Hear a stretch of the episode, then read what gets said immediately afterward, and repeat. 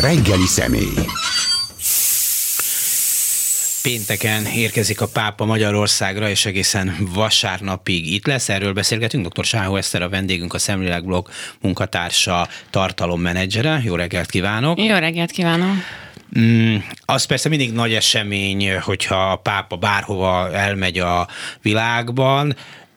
Van ennek egy kicsit ilyen, és nem akarok persze most ezt többször elmondhatom, hogy mai beszélésen nem akarok nagyon profál lenni, de mégis van csak egy olyan ilyen rockstar jellege, nem? Hogy, hogy egy influencer, az internetről is ismerjük, a tévéből is egy híres ember, nagy felhajtás, tehát hogy azokat is, akiket nem mint hitbéli vezetőjükre gondolnak a, a pápára, érdekli ez a dolog, és aztán nem beszélve ennek a politikai és egyéb vonatkozásai miatt is fontos tud lenni egy ilyen látogatás. Igen, hajlamosak vagyunk Ferenc pápát tényleg influencerként tekinteni, de azért jó, ha tudjuk róla, hogy amíg eh, még pap volt, meg püspök volt, tehát bergolyóként ő kifejezetten kerülte ezt a fajta sztárságot. Tehát ez egy kicsit idegen is tőle, ez a felhajtás, a személyiségétől idegen, és ráadásul egy jezsuita pápa, ő az első jezsuita pápa a világon, ami egy olyan szerzetes rend, ami szintén még talán a többi szerzetes rendnél is túlmenőbben ö, ö, kerüli a, egyrészt a magas pozíciókat, tehát ezért is nem volt eddig jezsuita pápán, kerülik a felhajtást, teljesen más a lelkülete ennek a rendnek, de való igaz, hogy mióta ő a pápa, azóta van egy ilyen benyomásunk, és beleszokott ebbe a pápa, tehát igazából én azt gondolom, hogy szeret a tömegben lenni, szeret emberek között lenni, de soha nem ilyen, ilyen hatásvadász, Mm, szempont, tehát neki nincsenek ilyen szempontjai, hogy ő most rockstar, vagy nem, nem, nem ezzel foglalkozik, nem, nem ez jön az ő személyiségéből. Ez inkább a közönség, a közönség egy részének a recepciója, az érzéke, érzékelése, talán nem biztos, hogy a rockstar hasonló, de hát egy, egy ember, akit ismerünk messzire, messze áll fölöttünk egy színpadon, mond valamit, örülünk neki. De valóban a nem, a nem vallásosak számára is ő egy ismert személyiség lett, tehát hogy nem csak a katolikus közösség ismeri őt, ilyen szempontból valóban egy influencer influenceré vált a pápa. Hát meg nem csak a katolikus közösségnek fontos, hanem tényleg egy világpolitikai jelentőségű szereplő. Így van, így van. Szokás mondjuk a Ferenc pápát úgy nézni, mint a egyházon belüli mondjuk reformerek és konzervatívok küzdelmében a reformerek képviselőjét, aki egy, egy modernebb, eh, mai világibb, eh, lehet ezt mondani a katolikus egyházra, eh, egyházat szeretne képviselni. Ez egy nagyon érdekes kérdés, amit most felvet, mert pont tegnap beszélgettem egy jó barátommal, hogy miért van ez most, és azt figyeltük meg így a történelem folyamán, hogy az utolsó két pápa, tehát 16. Benedek, illetve most Ferenc pápa személye váltotta ki valahogy azt a világból, hogy nagyon ide vagy oda akarják őket sorolni. Második János Pálnál ez még nem volt jellemző, és akkor ugye hajlamosak voltunk 16. Benedeket a nagyon konzervatív irányhoz sorolni, és Ferenc pápát pedig valamiféle liberális pápának beállítani. Egyik állítás sem igaz. Valahogy kettőjükkel ezt így nagyon próbáljuk ezt a nyomást rájuk gyakorolni. Hát azért sem igaz, ugye az a baj, hogy a magyar sajtóban, ami megérkezik Ferenc pápáról, az általában torsz formában érkezik. A többi országban is jellemző, de Magyarországon aztán kifejezetten, hogy nagyon torsz formában kapjuk meg, hogy ő mit gondol például a migrációról, vagy mit gondol a melegekről, de mi sem bizonyítja jobban, ezekről is beszélhetünk majd, mert ezek Mindenképpen érdekes beszélünk, témák. mert ezeknek Magyarországon különös politikai jelentősége Igen. ezeknek a kérdéseknek. De ha azt nézzük például, hogyha Ferenc pápa olyan nagyon liberális lenne, akkor nem állna ellen például most a német egyház próbálkozásainak. Mik a német egyház próbálkozásai? A német egyház egy picit most külön utas, külön színódusuk volt több éven keresztül, ugye küzdenek azért, hogy a melegek párkapcsolatát például meg lehessen áldani egyházilag, vagy például a nők pappás szentelése folyamatos téma ott kint, tehát nagyon tényleg vannak olyan liberális vonulatok a német egyházban, ami szembe megy a katolikus egyháznak a társadalmi tanításával, ami jelenleg érvényben van. És hogyha annyira liberális lenne a pápa, az akkor ezeket így nem törné le folyamatosan, de konzekvensen kiáll a konzervatív katolikus értékek mellett a pápa, és nem enged ezeknek, a, ezeknek az erőlködéseknek, ami most kint zajlik, tehát ez sem igaz róla, hogy, hogy ő egy ilyen nagyon liberális, nagyon progresszivitás az igaz rá, Egyébként ez az egész jezsuita rendet jellemzi. Mióta nem az inkvizíciót csinálják Loyola Ignác óta, igen. De általában, általában, igen, ezt ki szokták emelni, de egyébként általában, ha megnézzük, akkor ez az a rend, ami, ami a haladás mellett van. Tehát ők mindig egy picit, egy pár, néha túlzottan is, de egy pár lépése előttünk járnak. Nem, nincs ebbe az is benne, hogy egy latin-amerikai püspökről van szó, és azért mit keveset tudunk a latin-amerikai katolikus egyház szerepéről, és talán a felszabadítás teológiájáról valamennyire, de hogy talán, hogyha azt mondja, hogy, hogy reformistámnak gondoljuk, akkor ebben az is benne van, hogy a társadalmi kérdések iránt érzékenyebb egyházat sugal, nem? Ami Latin Amerikában, hát most már 50-60-70 éve természetes, hogy a katolikus egyház tényleg azok mellé állt, akikről beszélt is az előző ezer évben. Igen, és azt is gondolom, hogy európaiként, akik nagyon hevesen bírált meg bírálják, bár most ugye éppen ők rajonganak érte, mert hogy érkezik Ferenc pápa, szóval akik bírálták Ferenc pápát, azok nagyon, tehát nagyon európai fejjel gondolkodunk róla. És amikor valami idegen dolog megérkezik hozzánk, valami teljesen más szempont, egy dél-amerikai, abszolút vitális, dinamikus pápa megérkezik Európába, és akkor hirtelen nem tudjuk, hogy mi van, akkor ezt úgy reagáljuk le, hogy elkezdjük őt támadni és liberálisnak bélyegezni. Holott nincs másról szó, mint hogy a világegyháznak a dinamikáját behozta Európába, amire nagy szüksége van Európának, tegyük hozzá, hiszen a világban nő a katolikusok száma, a világ legnagyobb egyházáról beszélünk, szinte, én nem is tudok már, szerintem csak Európában csökken ennek az egyháznak, a híveinek a száma. Tehát mi vagyunk ö, szemben az árral. Tehát Európa megy szembe a világgal ilyen szempontból. Tehát nagyon ránk fér az a dinamika, amit Ferenc pápa képvisel, és az a közvetlenség és nyitottság, amit Ferenc pápa képvisel.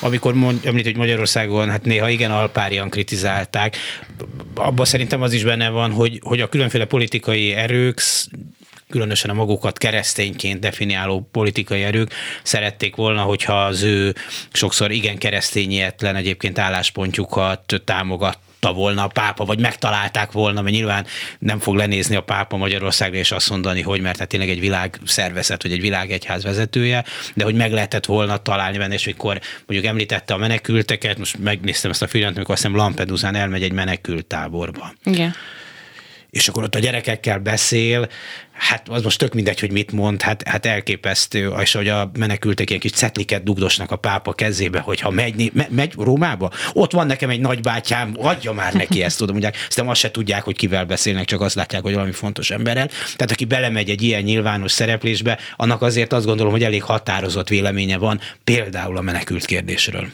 Igen, ugye, amit az elején említett, hogy, hogy próbáljuk a saját valóságunkba behúzni Ferenc pápát, és valamiféle politikai kommunikációs mezőben őt értelmezni, ez, ez egy ez egy eleve sikertelen próbálkozás, tehát őt nem lehet, nem lehet bekategorizálni. És amikor őt nagyon hevesen bírálták, például amikor elhangzott ez, hogy lehet, hogy már elment az esze a pápának és demens, ugye volt egy demens ilyen... nem, igen, volt Jó, egy ilyen cikk róla. Nem kell mindent meghallani.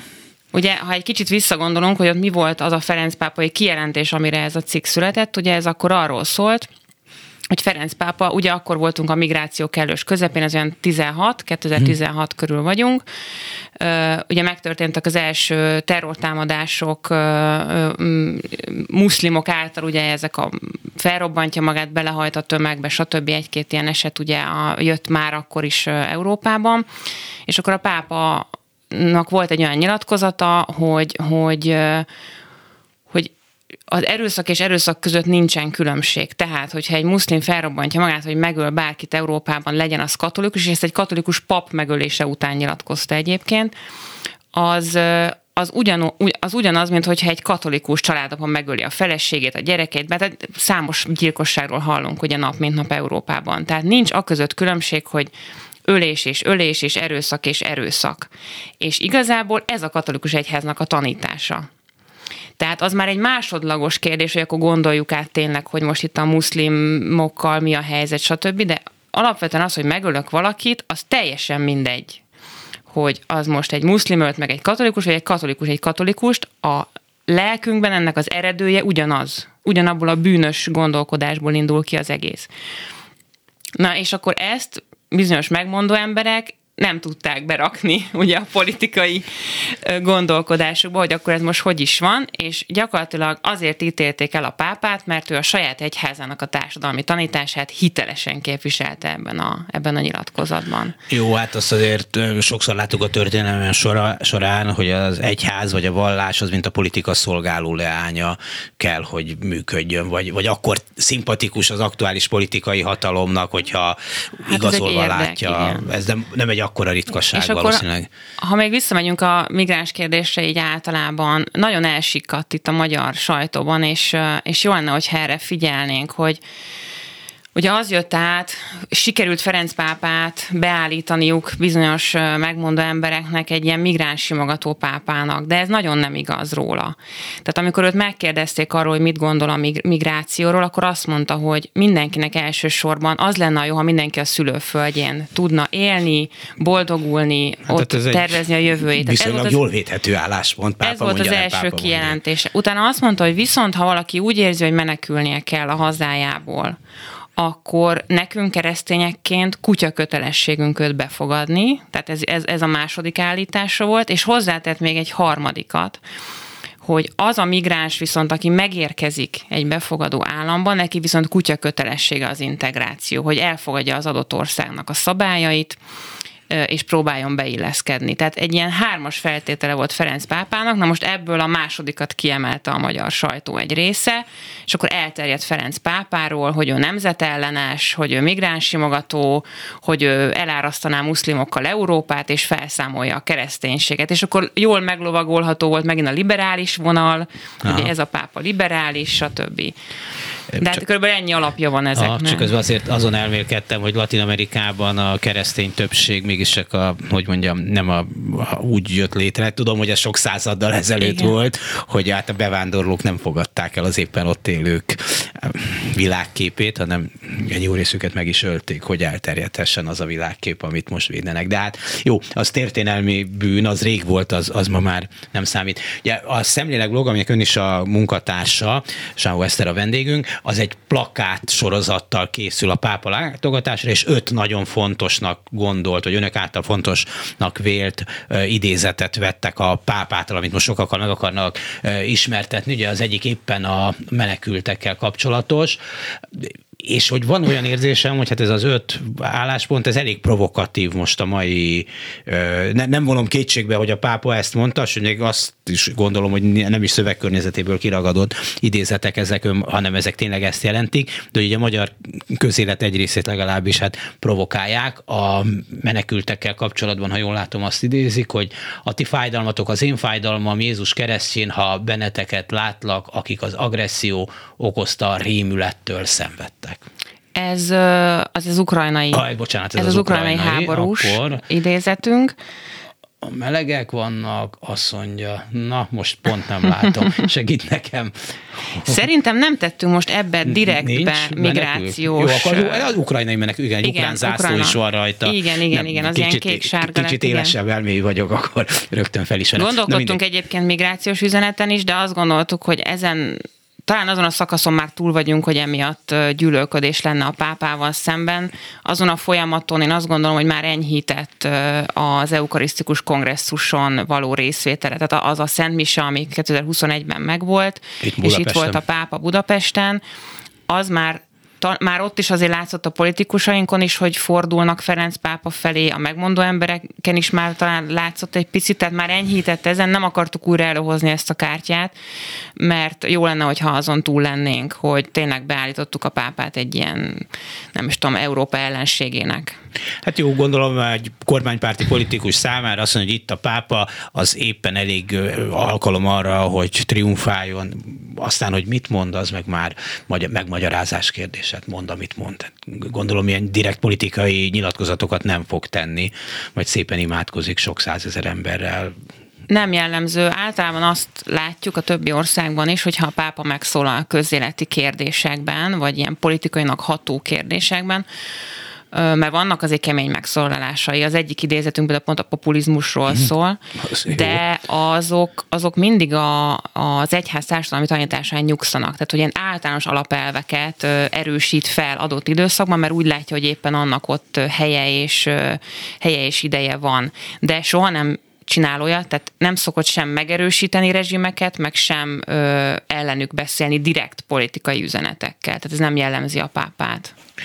Dr. Sávó Eszter a vendégünk, a Szemlélek blog tartalommenedzsere említett az előbb, hogy hát nem nagyon lehet a pápát besorolni feltétlenül úgy liberális, reform, konzervatív nézetekhez, ahogy ezt időnként szokták akár Magyarországon is, de mondjuk a különböző nemzeti egyházakban nagy eltérés van. Említette az előbb a, a német egyházat, amelyek ezek szerint bizonyos kérdésekben mindenképpen progresszív, és akkor itt föl lehet vetni, én annyira azért nem ismerem a Magyar Katolikus Egyház belső ügyeit, de azt látom, hogy hát so sok jelentős képviselőjének sokkal fontosabb a trón és az oltár szövetsége, mondjuk, mint, mint a saját általam elképzelt, bármi közöm hozzá, eh, véleményének a képviselete.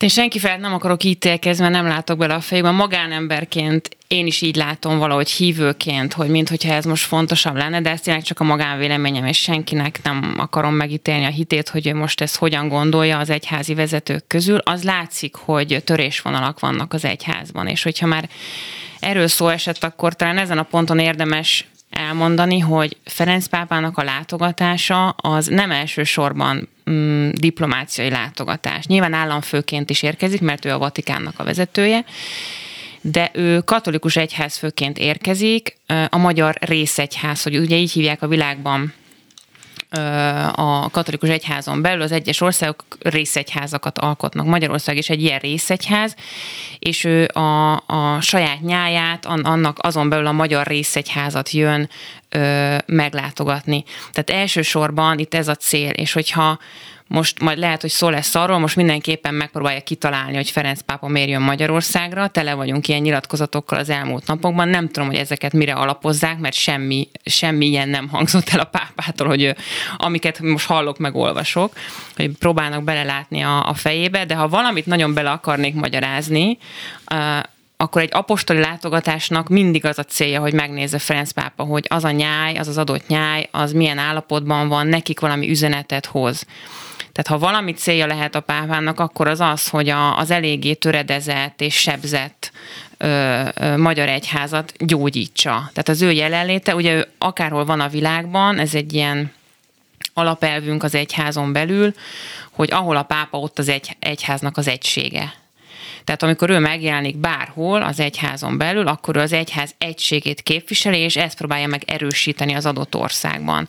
Úgyhogy ha valamit nagyon bele akarnánk magyarázni, akkor én ezt magyaráznám bele az ő látogatásába, semmi mást. Azt elég sok fölmérésből tudjuk, hogy Magyarországon meglehetősen alacsony a hagyományos értelemben templomba járó vallásosok száma, aránya katolikusokra is gondolom ez, ez így igaz, Igen. miközben azért épülnek templomok, egyházi iskolák, vallásoktatás, ugye ez a felmérés nem azt mutatja, hogy ki, ki miben hisz, vagy mennyien hisznek, és nem, nem, mert ezek egy tök más számok, de mondjuk ebbe ez az intézményes vallásosság aránya, vagy az intézményes vallásosságban részvevők aránya jóval kisebb, azt hiszem Magyarországon, mint akár a környező országokban is. Igen, sajnos, ugye most még nem tudjuk a népszámlálásnak, a, tehát a legutóbbi népszámlálásnak a, az eredményeit, de mondjuk általában akik bejelölik magukat kereszténynek, az akár lehet majd 50-60-70 százalék, nem tudom, mi fog kijönni tényleg. Ugye itt ment a plakátkampány, hogy ugye 50 százalék fölött legyünk, de nem, nem is ez az érdekes a hitünk szempontjából és az egyház szempontjából, hanem következetesen azt mutatják a mérések, hogy akik ezekből az emberekből, akik valójában templomba járók, közösséghez tartoznak, élik a mindennapi hitüket, az körülbelül a lakosságnak olyan 8-9 százaléka. Na most ez ahhoz képest ugye egy elég alacsony. Tehát amikor azt mondjuk magunkról, hogy keresztény ország vagyunk, én nem is szeretem ezt a kifejezést használni, nem lehet ezt kijelenteni. Tehát, hogy, hogy körülbelül ez a 8-9 százalék az, aki, aki, aki a hívőkhöz tartozik, a valódi hívőkhöz. A többieknek is nagyon fontos, mert a karácsony, a húsvét, a pünköst, az ünnepeink.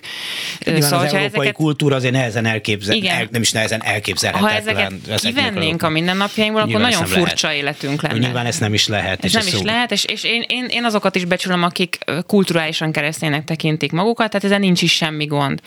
De valóban, amikor arról van szó, hogy templomokat építünk, meg mire költjük a pénzt, és, és közben üresek a szemináriumok, nem jönnek a, a kispapoknak, nem jelentkeznek a fiatalok, stb., akkor igazából erre a 8-9%-ra kéne gondolni, mert hogy mi, mi, mi, mi töltjük meg azokat a templomokat, vagy nem töltjük meg azokat a templomokat ugye itt még nehezíti, vagy, vagy színezi a képet Magyarországon, hogy a kereszténység, mint egy ilyen politikai bunkósbot jön elő nagyon gyakran. Tehát ez a, a szó nagyon rossz értelme vett, egy keresztény politika, hát mert ha szó jó értelmében mondanák ezt, akkor az oké okay lenne, de hát hogy ez a bunkósbotként működik nagyon sokszor Magyarországon. Igen, most ezt látom a pápa érkezésével kapcsolatban is, hogy ahogyan őt most instrumentalizálni akarja nagyon sok ember, és a politikai elit is, meg belemagyarázni, már most ugye elő van készítve a kommunikációs szempontból, hogy miért jön a pápa, meg majd nyilván utána is már, már megvan előre, hogy, hogy a miért volt itt és miket mond. Um, ugyanúgy, tehát ahogyan őt instrumentalizálni akarjuk most, én azt érzem, hogy ez ugyanaz a cső, ugyanaz a zsákutca, amit a kereszténységgel csinálunk az elmúlt években Magyarországon. Tehát a, a, ugyan, hát ez a ön bunkosbotnak nevezi, én azt mondom, hogy eszközként használja a politika a, a keresztény szót. És én azt, azt tapasztalom, hogy hát egyrészt a kereszténység nevében egy csomó olyan dolog elhangzik, ami hát minimum csúsztatás, hogyha mondjuk a hazugságig nem is megyek el, de én azt tapasztalom a saját környezetemben is, hogy, hogy most már így kifejezetten rosszul kezdjük magunkat érezni itt keresztények Magyarországon, vagy hogy, hogy azt beszéljük, hogy most ez a mi nevünkben ilyeneket ne nyilatkozzanak, vagy a mi hitünkkel ne, ne dobálózzon a politika, és ez most mindegy, hogy Fidesz vagy nem Fidesz, meg hogy hogyan hívjuk, úgy egyáltalán, tehát az én személyes hitem az politika fölött áll. Tehát egy keresztény embernek a legelső helyen az Istennek kell lennie és minden más ezután következik. És mint hogyha ez a sorrend megfordult volna az elmúlt időszakban, és, és az, hogy nem tudom, ilyen állítások, hogy, hogy aki keresztény, az, az csak ide szavazhat, ezek ellene mennek. Nem, nem hogy csak a lelki ismeretemnek, egyáltalán az egyház tanításának is, ami egyébként az kimondja, hogy az egyház nem politizálhat. Tehát, hogy van egy ilyen tételünk, ez a katekizmusban le van írva. És miért nem olvasgatják ezt gyakrabban az egyházi Hát mi vezetők? szoktuk idézgetni a szemléleken, cikket is írtunk erről, tehát, hogy, hogy én nem akarok személyeskedni, sosem, mert mindig abba az irányba viszik el, hogy, hogy persze, mert mi akkor neki megyünk ennek a püspöknek, meg annak a püspöknek. Nem. De az, az én életemben Isten van legelől, és, és a nem tudom, hanyadik a sorban az, hogy egyébként most Fidesz kormány van, vagy Gyurcsány kormány van. Tehát, hogy... Hát vagy azok, az is fontos, csak hogy másik dimenzióban Igen. gondolom azért, és mondom, nem ismerem annyira a, a katolikus egyház, Magyarországi katolikus egyház belső viszonyait, inkább csak ilyen felszínes sajtóból szerzett e, információim vannak, de hát úgy tűnik, hogy, hogy mondta, hogy nem, akarnak püs, nem akar püspököket megítélni, de hát, hogy jó néhány olyan püspök van, aki egy foci stadionért eladja, nem egy talencsért legalább, vagy, e, de egy foci stadionért azért elég sokat elad a hitéből. Hát ezt most hadd ne véleményezzem. Nyilván ott is megvoltak a szempontok, ugye most itt nyilván Szegedi egyházmegyéről beszélünk, furcsa. Tehát furcsa az, hogy egy egyházmegyének stadionja van, és mi azon gondolkodtunk el, amikor ezt a hírt meghallottuk, hogy és mi lesz akkor, hogyha majd, majd egyszer mondjuk nem Fidesz kormány van, teljesen mindegy, hogy hány év múlva, akkor ezt ki fogja fenntartani. Akkor az egyházmegyének ezzel mi lesz a dolga? Vagy hogy lesz ez, hogyha nem ugyanez a felállás lesz, mint most, ugyanezek a pénzügyi és gazdasági ö, ö, keretek, mint most, akkor mit fogunk ezzel kezdeni? Tehát ez egy idegen test mindenképpen a, az egyháznak a, a testében. Ez nyilván nem a katolikus egyház jellemzője, de hogy a magyarországi egyházak többségét, vagy a hagyományos egyházak többségét, vagy akár a hagyományos egyházakat nem a hívek tartják el. De, de, de a, a protestánsokat se, a zsidókat se, a nem tudom, mindegyik egy speciális kérdés nyilván, de talán a, a, a kis egyházak, vagy a, a viszonylag újabb alapítású egyházak kivételével nem, nem a hívek tartják el, hanem adófizetői pénzekből tartják el, sok adófizetői pénzből az egyházakat. Ez azért változó országonként Magyarország. Magyarországon sajnos úgy alakult, hogy, hogy elkezdődött egyfajta ilyen kártérítés ugye a rendszerváltás után, hogy valamiféle rendezés az egyházi ingatlanoknak, de ez nem fejeződött be, sajnos.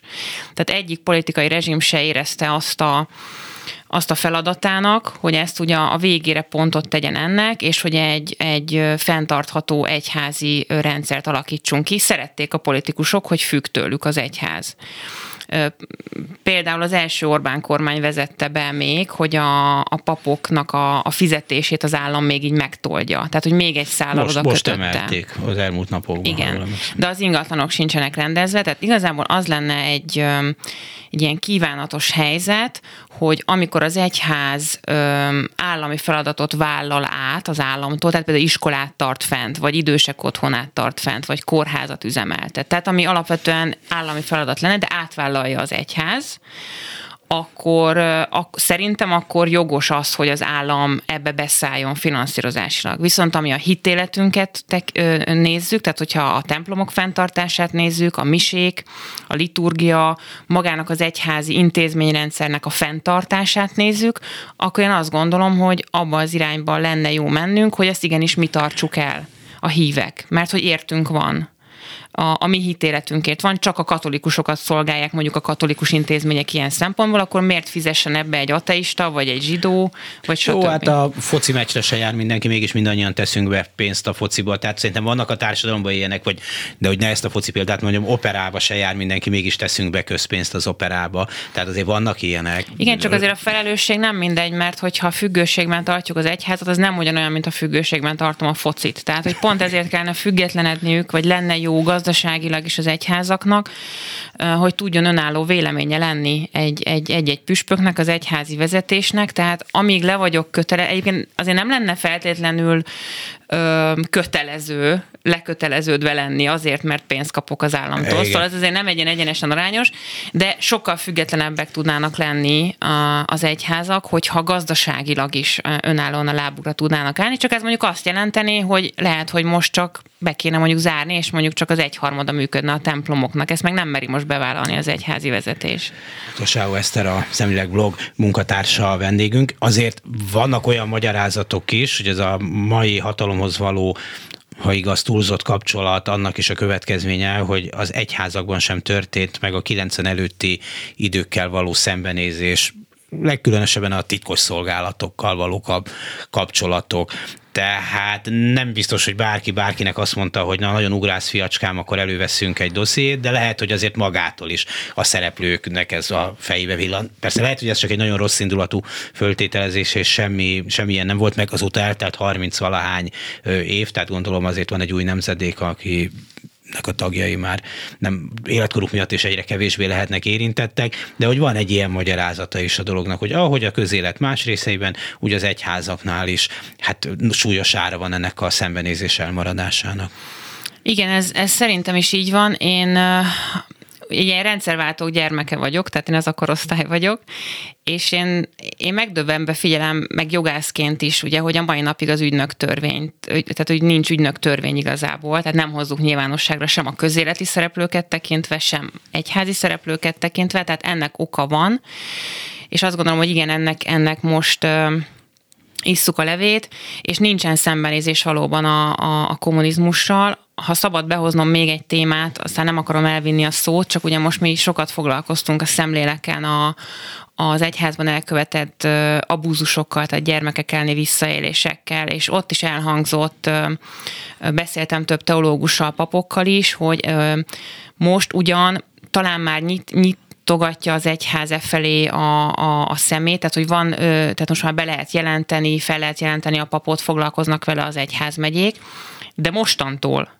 tehát a szembenézés, hogy eddig kik voltak azok a papok, akik, akik visszaéltek akár szexuálisan, akár más módon, tehát ilyen hatalmi eszközökkel a gyermekek ellen, azoknak a megbüntetése, vagy a most a, ugye a felszínre hozása, az, az ilyen mély némaság övezi ezt az egészet. Tehát, hogy nincs szembenézés ezzel sem. Több évtizedre visszamenőleg. Tehát az olyan nincs, hogy akkor most elkezdem, és akkor esetleg akár most is szolgálnak olyan papok, vagy már lehet, hogy nyugdíjban van, de szolgált olyan pap, aki, aki gyakorlatilag megúszta ezt az egészet. Hát igen, ha, ha jól emlékszem, akkor a pápa azért több olyan nyilatkozatot tett, hogy ezeknek az ügyeknek a végére kell járni, éppen azért, hogy ne is, vagy minél kevésbé ismétlődhessenek A pápa meg. nagyon elkötelezett ebben az ügyben. Tehát ő, ugye bocsánatot is kért az egyház nevében ezekért az ügyekért, és minden országban szorgalmazza ezt. Tehát talán Ferenc pápa bár már 16. Benedeknél is elkezdődött egyébként, de Ferenc pápa kifejezetten az a pápa, aki nem a, nem a takargatásban hisz, tehát nem abban hisz, hogy az egyház képét kifelé őrizzük meg, aztán majd mi befelé elrendezzük a mi kis szennyesünket, hanem ő kifejezetten abban hisz, hogy, hogy állítsuk fel a diagnózist, nézzük meg, hogy mi a baj, a lehető legnyíltabban, a legtranszparensebben, mert ez a gyógyulás útja és utána pedig gyógyítsuk be ezeket a sebeket. Hát ráadásul szerintem most a igazságérzetünkön túl, ami elég fontos persze, talán van egy olyan praktikus szempont is, hogy ha ez a rejtegetés folyik, akkor már ezeknek az ügyeknek a rejtegetése, akkor, akkor a közvélemény egy része legalábbis hajlamos sokkal rosszabbat is gondolni, mint ami egyébként mint ami esetleg a, a valóság. Mert azt mondják, hogy minden ügyet kivizsgálunk, és ha kiderül, hogy Igen. akkor eljárunk, akkor azt mondom, hogy hát szomorú, hogy ilyen dolgok előfordulnak, de hát oké, okay, akkor Igen igen. következzen, aminek következni kell. De azt látom, hogy e, elérik azt, hogy elítéljék azt az embert Magyarországon, aki, aki abúzusért, ezt most azt most ezt talán nem is vitat, ható kérdés, Igen. és érdeklődött, hogy mégis SMS-ben, hogy mégis mi van az ő ügyében, és akkor a bíróság elé citálják, és hát a magyar igazságszolgáltatás nagyobb dicsőségére el is ítélik. Igen, hát szerintem ilyen nem volt még nagyon más országban sem. Hát a középkorban Igen. nem tudom, de mostanában szóval talán nem. A, a takargatáson egyébként talán már kezdünk túl lenni, ugye még Veres András püspöknek voltak olyan nyilatkozatai, amikor, amikor elég fontos ilyen konferenciák zajlanak egyébként a világ. Tehát, hogyha kitekintünk a világba, ez a téma nagyon napi renden van, csak nálunk nincs. De azért ezekre meghívnak minket is rendszeresen, tehát a mi egyházunkat is. És akkor itt rendszeresen az jött vissza, ilyen nagyon nyúlfalaknyik és nyilatkozatok, ugye Veres András püspöktől például, hogy Hát ez a többi országot jellemzi, meg nyugaton ez így volt, de Magyarországon ez nem jellemző, nálunk ez nem így van. Tehát mintha nálunk nem lennének abúzusok. És akkor most, mintha már azért változna, nemrég volt vendégünk a podcastünkben a Dobszai Benedek Ferences szerzetes, aki nagyon belülről látja ezt, és ő, ő most országos szinten is rálát ezekre az ügyekre, és benne van abban a bizottságban, akik ezzel foglalkoznak, és hát lenyilatkozta, hogy legalább 30 ügyről tudunk már, a, ami, amik megtörténtek valójában. Na most ez a semmihez képest a 30 az elég nagy ugrás. Úgyhogy valami most már talán változik, és szerintem rá is lesz kényszerítve az egyház, hogy ezekkel foglalkozzon. Minden országban úgy volt, hogy ahol az egyház nem állt ebbe bele, volt egyébként olyan, ahol beleállt, ahol nem állt bele az egyház, ott vagy az állam, vagy a média egy idő után gyakorlatilag a tyúk szemére lépett az egyháznak, tehát amikor már a rendőrség bevonásával kell elvinni egy papot, stb., tehát ott már botrány van. Most szerintem ezt jól lenne megúszni, és, és, és egyházon belül elindítani ezt a transzparens működést. Láthatóan annak a, vagy gondolom annak a megelőzésben is fontos szerepe van, mert ha azt gondolja valaki, bár nem tudom mennyire gondol végig valaki egy ilyen cselekményt, hogy úgyis meg lehet úszni, mert majd megmentenek, akkor az is más, mint az, hogy ajaj, nem szabad, mert, mert nem csak a lelkiismeretem nem engedi, hanem a botránytól is tart. Hogyne, hogyne. Tehát eddig, aki esetleg azt gondolta, hogy maximum az lesz a retorzió, hogy áthelyezik őt egy másik faluba, az most elgondolkodik, hogy azért ez így nem fog menni. Hát ez jó dolog.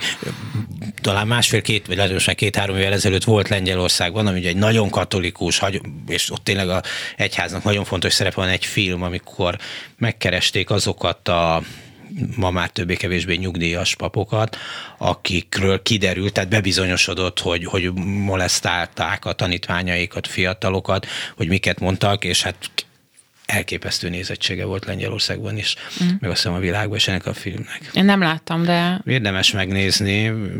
Egyszer itt a reggeli műsorban, amikor ezt kikerül, néztük a Youtube-on, mm. és akkor bekapcsoltuk a Youtube-ot, akkor azt hiszem 9 millió néző volt, mire vége lett a műsornak már 11 millió. Szóval, hogy, hogy, hogy nem emlékszem és megbánó nyilatkozatok voltak, hogy emlékszik rá? Hát nagyon furcsa volt, voltak aki, hát ilyen elég öreg emberek voltak, és ilyen rejtett kamerás rejtett voltak, akik oda ment uh-huh. valaki, aki mondta, hogy de hát velem, nem igaz, nem igaz, de hát velem csinálta ezt, és akkor olyanokat mondtak, hát amit szoktak az idősödő urak, amikor lebuknak az ilyen dolgokba, hogy hát én azt hittem, hogy maga is örül neki, vagy miért nem szólt, mm. hogy ez bántja, meg, mm. meg ilyen, de hát zavarba voltak, de, de, de az, hogy bocsánatot kértek volna, az, az a legritkább igen, ilyenkor inkább a terelés volt. megy. Meg hát az áldozat, miért, miért volt ott az áldozat, meg miért, miért nem tudom. Igen, meg az áldozat hibáztatás, igen, igen ez jellemző. Nyilván ez egy nehéz dolog, és hát ezt látjuk történetekből, hogy ez nem csak a, az egyházak problémája, vagy nem csak a katolikus egyház problémája, hanem a közoktatásba is előkerülnek ilyen dolgok, csak lehet, hogy egy kicsit túl idealizált kép bennünk a papokról, vagy, vagy szóval valakitől nem várnánk el, bár én mondjuk egy fizikatanártól se várnám el, hogy ilyet tegyen, de akinél azért ez, ez jobban megüti az embert, egy, egy, egy értem, értem. Igen, ennek örülök, hogy ez előjött, mert egyébként a összességében nézzük, nyilván szerintem itt hiteles és nagyon alapos statisztika nem tud lenni, mert a legtöbb ilyen eset az rejtve marad. Tehát a legtöbb esetről nem tudunk sem családon belül, sem az iskolában, sem a sportolók körében, sem az egyházban. De amit tudunk, abban a sorban azért az egyház nincs legelől. Tehát hál' Istennek mondjuk. Tehát tudom, hogy egy áldozat is sok, mert ugye ezt el szoktuk mondani, Persze. de a legtöbb gyermekekkel szembeni szexuális visszaélés, amelyre most tudjuk, az a családokon belül van. Tehát a családapák, nagypapák, nagybácsik, stb. Szomszédbácsi. Szomszédbácsi, így van, tehát saját családon Igen. belül követik el a legtöbb ilyen ö, erőszakos, ö, abuzív cselekményt, és nem az egyházban, de az való igaz, hogy valahogy az elvárásaink az egyházzal szemben talán magasabbak, ö, hiszen a pap elvileg Jézus Krisztust, az örömhírt, a szeretetet képviseli, és itt sokkal szívenütőbb, amikor, amikor amikor egy ilyen ember esik bele ebbe a bűnbe és ebbe a bűncselekménybe. Hát igen, említettük már a plakátokat, most megpróbálom jó plakátot eltalálni, ne, ne, ne, ne hibázzak. Sáhó Eszterrel beszélünk a Szemlélek blog munkatársával, ugye ami egy ilyen kényes kérdés a melegek ügye. E, azzal a gyengétséggel kellene a püspököknek a melegek felé fordulniuk, ahogyan Isten bánik a népével, idézik tőle. Igen. Ez egy nagyon, így, ez egy nagyon megengedő megjegyzés, vagy nyilatkozat, vagy nem is tudom mi ez. Hát ez az idézet, ez, ez, ez, amit az előbb is már említettünk a migránsok kapcsán, ez abszolút beleilleszkedik a, az egyháznak a társadalmi tanításába. Tehát ezt erősíti a pápa. Öm, sikerült őt ugye úgy beállítanunk néhány nyilatkozatával kapcsolatban, hogy ahogyan migráns simogató volt, úgy meleg simogató is, de ez sem igaz a pápára. Tehát nem legitimizálja a homoszexualitást, nem írja felül az egyháznak a társadalmi tanítását, vagy a Bibliában foglaltakat. Ez arról szól ez a nyilatkozat, amit most felolvasott, hogy hogy teljesen mindegy, hogy kivel állunk szemben, ő egy ember, ő neki van méltósága, őt nem lehet sértegetni amiatt, hogy milyen. Semmi miatt nem lehet sértegetni egy embert.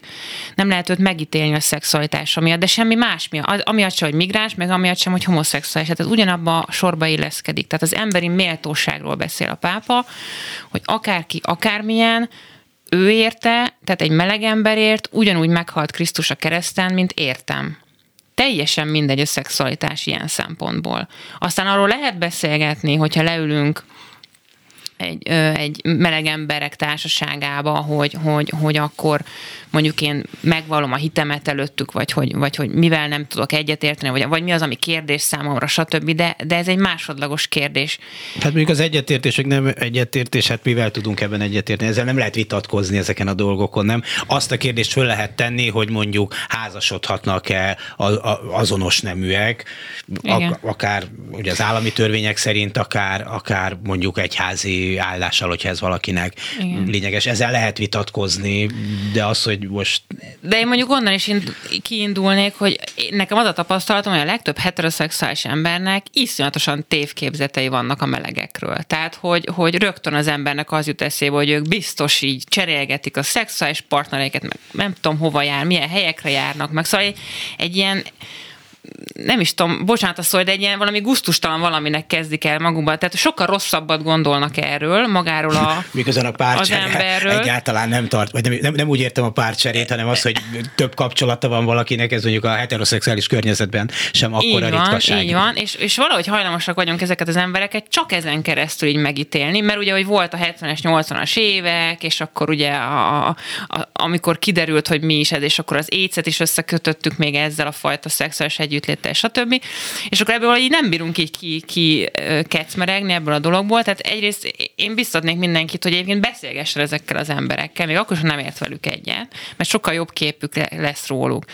De megítélni valakit, és ugye a pápa is ezt mondta, hogy, hogy ki vagyok én, hogy megítéljem. Tehát, hogy megítélni valakit emiatt, ez, ez nonsens, ez, ez, ez tétel, ez szembe megy a mindennel, ami a katolikus hit.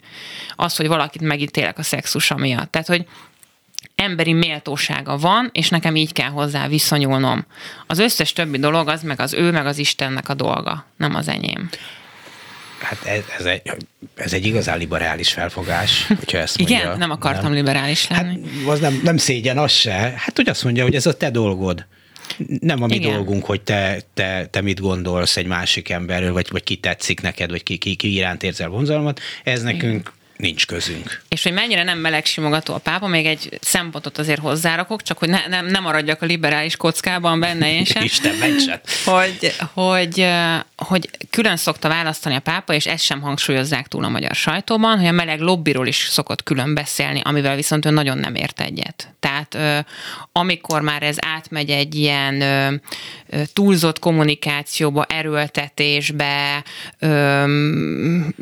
tehát az azzal, azzal már a pápa sem tud azonosulni, és ezt többször ki is fejtette, és úgy is kifejtette, hogy ő találkozott meleg lobbistákkal, és ő ezt képviseli ezt az álláspontot.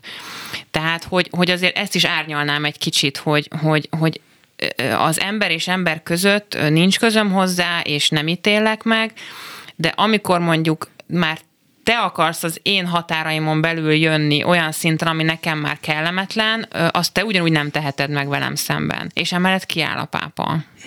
A meleg lobbyról keveset tudok, csak ilyen kommunikációs szempontból azon gondolkoztam el, hogy nyilván attól is kényes ez a kérdés, hogy van a közvélemény egy részében legalábbis egy olyan kép, lehet, hogy ez teljesen igaztalan, hogy hát a katolikus papok és szerzetesek férfi közösségében több lenne a homoszexuális ember, mint a társadalom egyéb köreiben. Egyáltalán nem tudom, hogy ez így van-e, vagy, vagy létezik erre. Ezt én sem tudom. De hogy van egy ilyen közvélekedés, azért uh-huh. azt viszont azt sejtjük.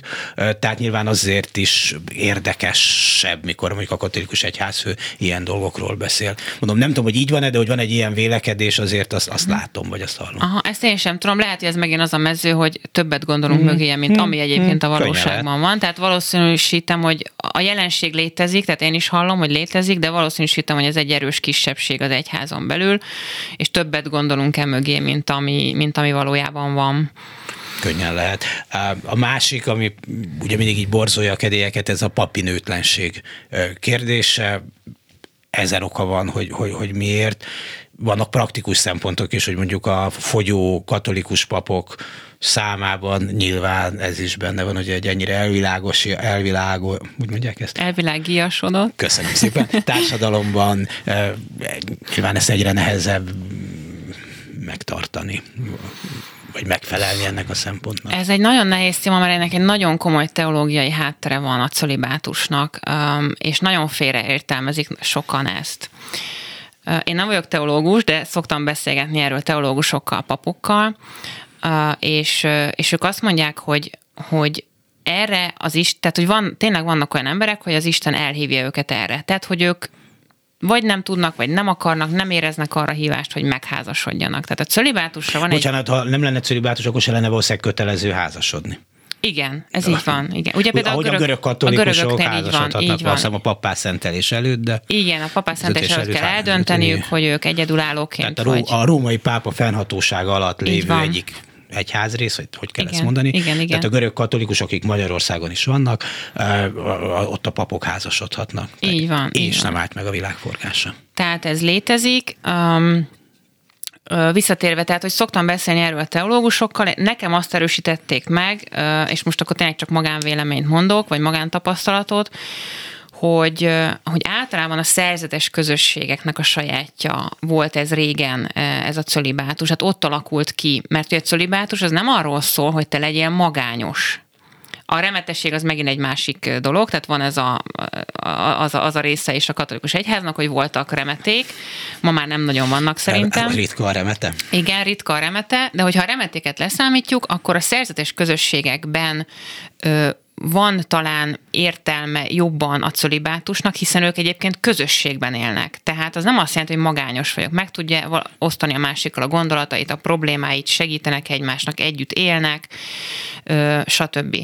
A, ahol talán a csökkenő létszámban is sokkal jobban szerepe van, ugye azok a megyés papok, akikkel mi általában találkozunk ugye az utcán, tehát akik plébániára, a világi, a világi hát igen, így is lehet mondani, hogy világi papok, akik ki vannak helyezve egy-egy plébániára, és, és hát valamilyen szint azért találkoznak, vannak rendszeres találkozók papok között, de, de azért leginkább magukra vannak ezek a papok hagyva. Ott egy, egy közösségben, és csak civilekkel vannak körülvéve.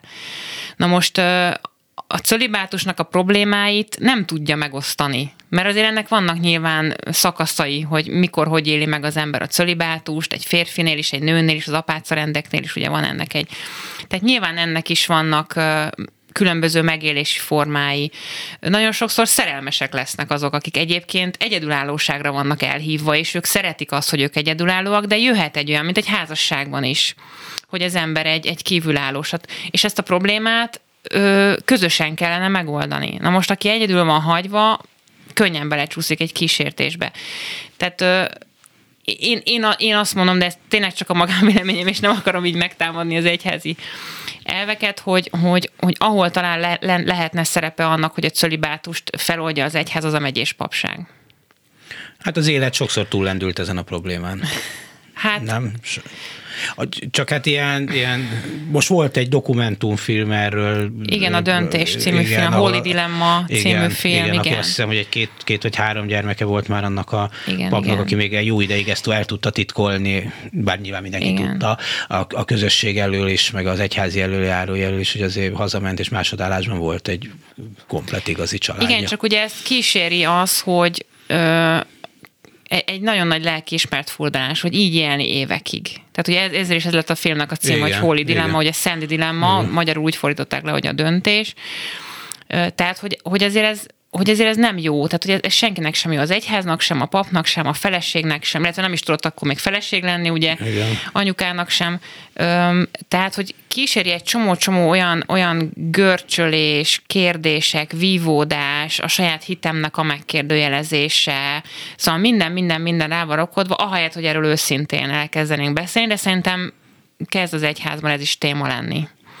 Hát igen, azt hiszem, hogy Luther, 1517 volt Luther, igen. tehát van, tudom, hogy az most már egy másik egyház, de mégiscsak a katolikus egyházból vált le, tehát hogy ez a vita már itt 500 éve elkezdődött leg, igen, legalább. Igen, igen. Egyébként és az egyház... rá a legkülönfélébb válaszok igen. ezek szerint. Egyébként, amit most én látok, az egyház nem is abban gondolkodik, most hó, akkor hirtelen feladom a szolibátust, hanem abban gondolkodik, például a papjányra tekintettel is, hogy akik már mm, mondjuk most is szolgálnak diakónusként, ugye családos emberként, tehát akik már megpróbált, hittel rendelkező erényes emberek, tehát akikre úgy rá lehet hagyatkozni, hogy őket felszentelni egyszer csak pappá, tehát megkaphatnák azokat a jogosítványokat, hogy eskedhetnek, gyontathatnak, Igen. stb. Már sok mindent csinálhatnak, de nem minden. De nem mindent csinálnak, tehát egy picit fordított, én, amit most eddig láttam, a, a, egy egyházon belül ilyen törekvések, meg párbeszédek erről, az inkább ebbe az irányba megy, hogy, hogy a családosakat bevonni, és akkor egy idő után lesznek családos papjaink is. Most azt föl se vettem, hogy a nők pappá szentelése, mert eh, kevés idő van, és mégis a pápa látogatás a beszélgetésünk fő eh, témája, aki pénteken érkezik Magyarországra, és hát önök a Szemlélek blognál, mondjuk, ahogy én így látom, a magyar egyházi beszédhez képest nyíltabban beszélnek, vagy kritikusabban, nem is tudom, milyen jó szó, bizonyos dolgokról, mi erre a, a, a, a, mik, mik erre a reakciók? Azt mondják, hogy végre valaki kimondja, vagy inkább nem kéne? Hát mindenféle, mindenféle. Mitől mi? hát én a nyíltabbat szeretem, nem a kritikus. Nyilván vannak kritikus cikkeink is. Um, Hát az egyházi vezetés részéről nagyon vegyesek a reakciók, a, inkább, a, a, a nagyon teteje az inkább úgy a hallgatást választja velünk kapcsolatban általában, viszont a papságot tekintve, meg a civileket tekintve és a híveket tekintve nagyon-nagyon sok támogató üzenetet kapunk. Tehát most, mikor majdnem megszűntünk, mert elfogyott a pénzünk ugye idén. Ezt az érzést akkor, ismerem, akkor, akkor azért nagyon sokan mellénk álltak pénzügyileg is, meg erkölcsileg is, hát ott, ott azért fel tudtuk mérni, hogy, hogy, hogy szükség van ránk, és hogy szeretnek bennünket, de hát nyilván kapunk nagyon sok hideget is. Tehát... Az, az nem is önmagában baj, mint hogyha a magyar egyházak általában egyébként a katolikus egyháznál is ilyen, ilyen hogy mondjam, a konzervatívabb vélemények erősödnének. Tehát mikor mondja, hogy a német egyházban, de hát el tudom képzelni, hogy még egy csomó más, más országban is, hát látom néha, hogy az olasz, olasz egyházban is, ami, vagy a lengyelben is, pedig az aztán arra azt gondolnánk, hogy kő konzervatív, nagyon komoly új gondolatok jelennek meg, és akár kritikus gondolatok is jelennek Igen, mondjuk, meg, vagy férhetnek a nyilvánossághoz. Én, én nem feltétlenül tenném be a szemléleket egy ilyen progresszív mezőbe. Tehát nekünk nem, nem az a fő sajátosságunk, hogy mi mondjuk elindítanánk nagyon progresszív gondolatokat a társadalomban. Van ilyenre is példa, de inkább, inkább nekünk az a az a, hogy mondjam, az a tapasztalatom magunkkal kapcsolatban, hogy a konzervatív értékekért is mi állunk ki sokszor leginkább. Tehát, hogy Ferenc pápát nem egyszer megvédtük a magyar sajtóban, amikor eltorzították az ő véleményét, és az egyházi vezetés hallgatott. Tehát, hogy sokszor inkább a konzervatív értékek mellett állunk, és ezzel vagyunk progresszívak, nem azzal, hogy mi akarjuk itt a, nem tudom, megújítani az egyházat, semmilyenben nem mentünk bele eddig, ami ellene menne az egyház társadalmi tanításának. Úgyhogy én inkább ebben a mezőben gondolkodok magunkról, hogy mi kimondjuk a dolgokat. Tehát ez, amiről az előbb beszélgettünk néhány perccel ezelőtt, hogy, hogy ez a takargatás, és akkor majd belül elintézzük a szennyest, vagy rakjuk már ki az asztalra, és akkor gyógyítsuk a sebeket, mi ez a második vagyunk, és ezért szoktak ránk kicsit idegesek lenni egyházon belül, amikor azt mondjuk, hogy mi viszont szeretnénk a diagnózis az asztalra tenni. Dr. Sávó Eszter, a Szemlélek blog munkatársa, tartalommenedzsere volt a vendégünk. Köszönöm szépen. Önöknek pedig köszönöm szépen az egész reggeli figyelmet. A mai műsorban munkatársaim voltak Kránkevér, Lantai Miklós, Simon Erika, ma reggel itt a stúdióban Herskovics Eszter és a szerkesztő Korpás Krisztina. Mindjárt Csuga Krisztina elmondja a híreket. Köszönöm szépen a figyelmüket. Dési Jánost hallották a Viszonthallásra.